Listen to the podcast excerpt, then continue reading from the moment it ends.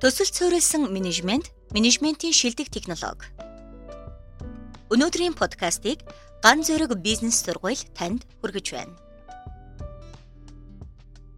Би өнөөдөр та бүгдтэй Голомт банкнд амжилттай хэрэгжүүлсэн Монголын бүх компаниуд мөн төрийн байгууллагууд авч хэрэгжүүлэх боломжтой менежментийн туршлагын талаар хуваалцах болно.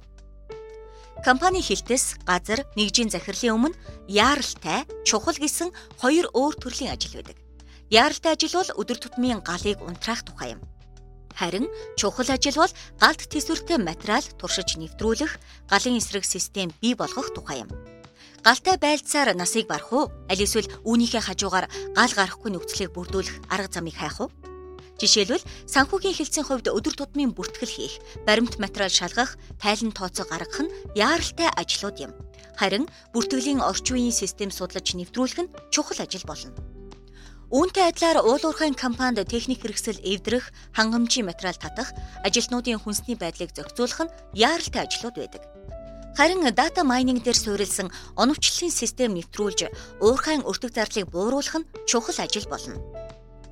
Нэгжийн захирлын өмнө яаралтай ажлаа дуусгах уу, аль эсвэл чухал ажлаа барьж авах уу гэсэн ярвхтэй сонголт тулгардаг. Гал гарах нь хизээч тасрахгүй. Хэрв галын эсрэг найдвартай систем бий болгохгүй бол гал гарах давтамж улмал ихсэх нь гарцаагүй.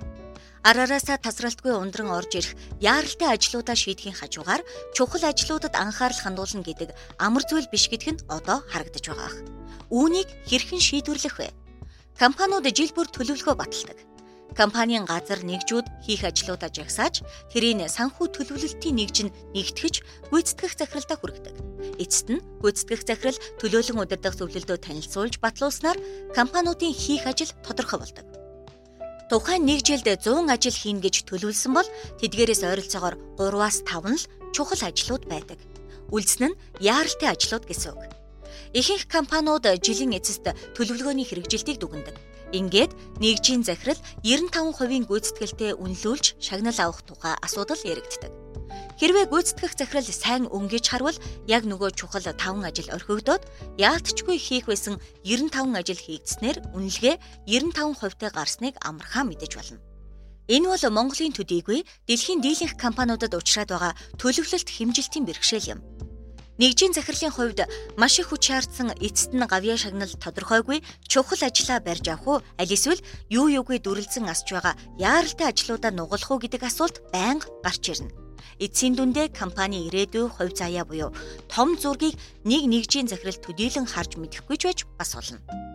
Голомт банкнд яг энэ асуудал тулгарч бид яаж үүнийг шийдэх вэ гэж толгоогоо гарчлгасан юм.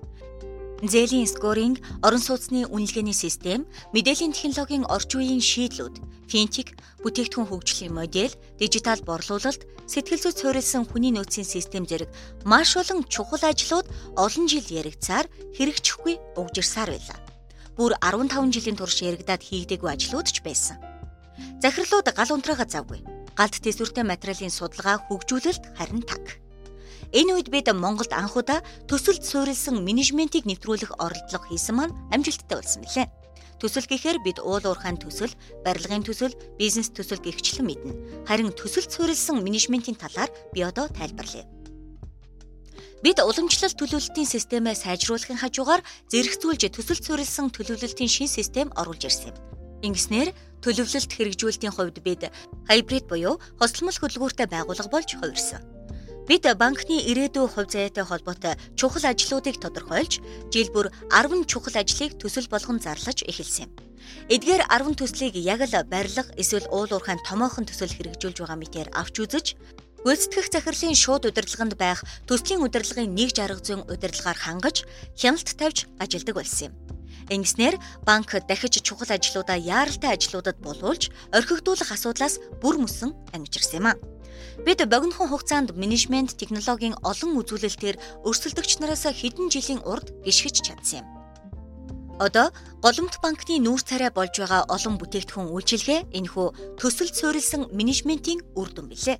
Энэ туршлагыг мэдээж ямар ч төрлийн байгууллага хэрэгжүүлэх боломжтой. Нэмжлэхэд төсөл бүрт тусгай шагналын сан байгуулж, шудраг урамшууллын тогтолцоо бий болгох нь туйлын үр дүнтэй гэдг нь харагдсан.